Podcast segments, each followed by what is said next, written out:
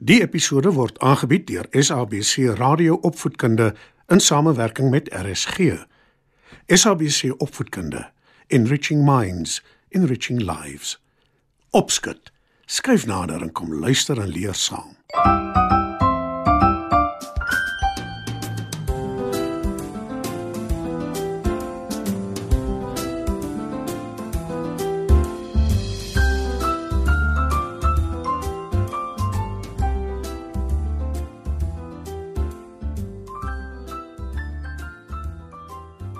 Goeienaand maats. 'n Vanaand se opskud vertel ek julle die sprokie van die gestewelde kat. Lekker luister.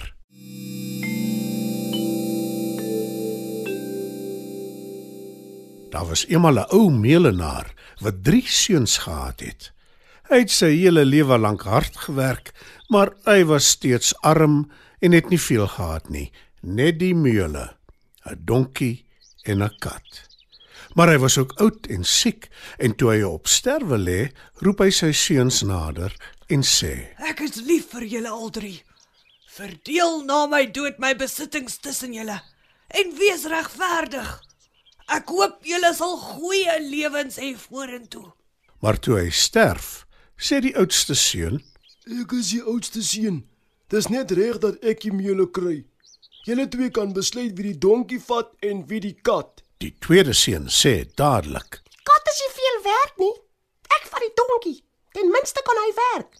Die jongste seun is ontevrede, maar hy weet hy kan niks daaraan doen nie en hy sê moedeloos: My twee broers kan albei geld maak met die meule en die donkie. Maar wat maak ek met 'n kat? Die dier is niks werd nie. Die kat hoor wat die seun sê. Hy gaan staan voor hom en hy sê: Dis waar jy 'n groot fout maak. Gee my net 'n sak en laat maak vir my 'n paar stewels en ek sal sorg dat jy skatryk word. Die seun glo die kat glad nie, maar hy laat maak tog vir hom 'n paar stewels. Hy gee ook vir die kat 'n sak en toe sê hy: Nou ja. Ek wag om te sien hoe jy my ryk gaan maak. Die kat glimlag geheimsinnig en sê: Ek het 'n plan. Vertrou my en jy sal nooit weer oor iets hoef te bekommer nie. Toe trek die kat die stewels aan, gooi die sak oor sy skouer en gaan na 'n plaas toe waar daar baie konyne is. Hy sit slaaiblare in sy sak en hy sit die sak op die grond neer. Toe gaan kruip hy 'n end daarvandaan na weg en wag vir 'n konyn om die slaaiblare in die sak te kom eet. Na 'n ruk sien die kat 'n konyn in sy sak inkruip. Hy hardloop soontoe en trek die sak toe en die kat gaan met die konyn in sy sak na die koning se paleis toe. Hy vra om die koning te sien.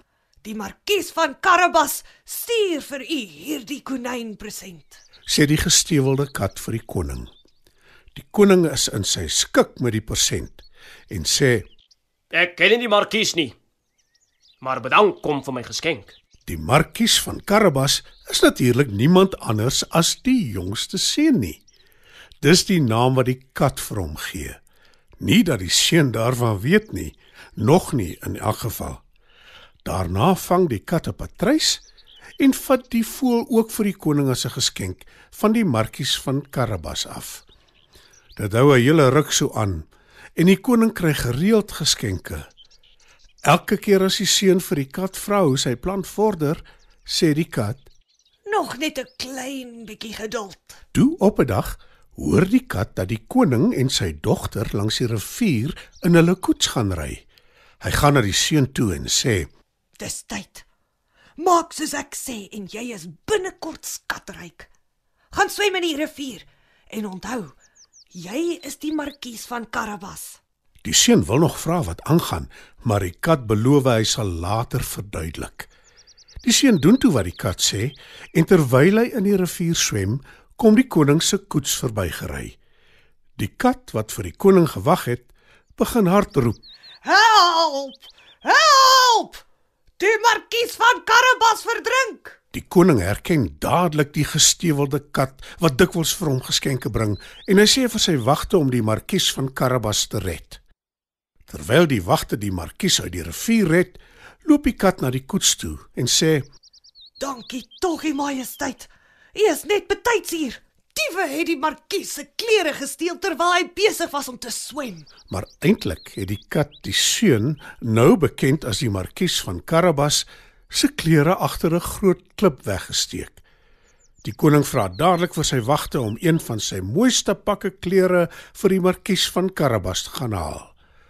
Hy bedank die markies vir al die geskenke wat hy die hele tyd stuur. Dis alles nuus vir die seun, maar hy speel saam want hy weet dis wat die kat bedoel het met sy plan. Die seun lyk nou soos 'n regte markies met die deftige pak klere aan. En hy is 'n mooi jong man. Die prinses wat hom die hele tyd dophou, raak sommer dadelik verlief op hom. En die koning nooi hom toe om in die koets te klim en saam met hulle verder te ry. Die kat is baie bly toe hy sien sy plan begin werk. Hy draf voor die koning se koets uit en toe hy by 'n klomp boere kom wat besig is om te oes, sê hy: Wanneer die koning hier verbykom, sê vir hom die landerye is die markies van Karabassin.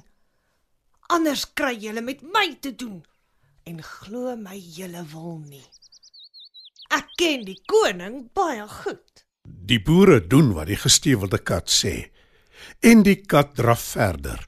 Oral waar hy kom, kry die kat nog boere en hy sê vir hulle almal dieselfde ding. Die koning is verbaas oor al die landerye wat aan die markies van Karabas behoort.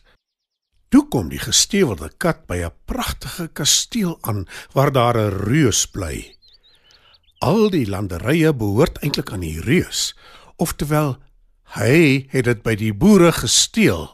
Hy het ook die kasteel gesteel. Die kat weet alles van die reus af en hy weet die reus is baie ydel. Die kat klop aan by die kasteel en hy vra om met die reus te praat. Die reus is nuuskierig en hy stem in. Toe sê die kat vir die reus: Ek het gehoor jy kan jou in 'n dier verander. Maar ek sukkel om dit te glo. Dis waar. Ek sal jou wys. antwoord die reus en hy verander homself in 'n leeu. Die reus verander weer in homself en sê: Glo jy my nou? Ja, maar jy kan seker nie jouself in 'n baie klein diertjie verander nie. Soos 'n muis. antwoord die kat. Die reus vererg hom en verander dadelik in 'n muis. En dadelik vang die kat die muis en eet hom op. Intussen het die koning se koets ook by die kasteel aangekom. Toe die gestewelde kat die koning se koets sien, loop hy na hom toe en sê vir die koning: Welkom by die markies van Karabas se kasteel, u majesteit. Die seun, kom ons noem hom nou maar die markies van Karabas, is verbaas, maar weer eens speel hy saam. Die markies, die prinses en die koning volg die gestewelde kat in die kasteel in. Die koning en sy dogter, die prinses, is ewe ingenome met die markies van Karabas. Kort daarna is die markies en die prinses getroud en hulle bly in die kasteel. En die gestewelde kat, hy is die markies van Karabas se regterhand.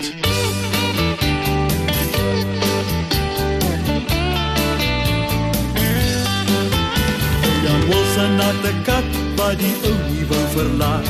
Hy het alles geprobeer om die kat daar weg te keer, selfs na die predikant om raad van hom te kry. Die predikant die het gesê die kat moet daar bly. Maar die kat kom weer want hy wil nie langer wag. Die kat kom weer net die volgende dag.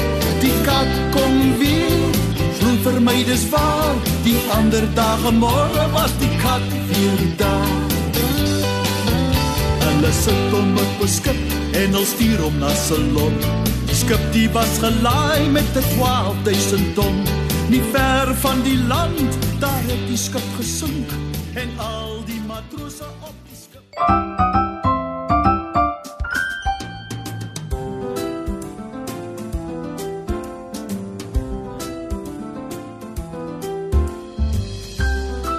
Vanaand se program is aangebied deur SABC Radio Opvoedkunde in samewerking met RSG. SABC Opvoedkunde, Enriching Minds enriching lives.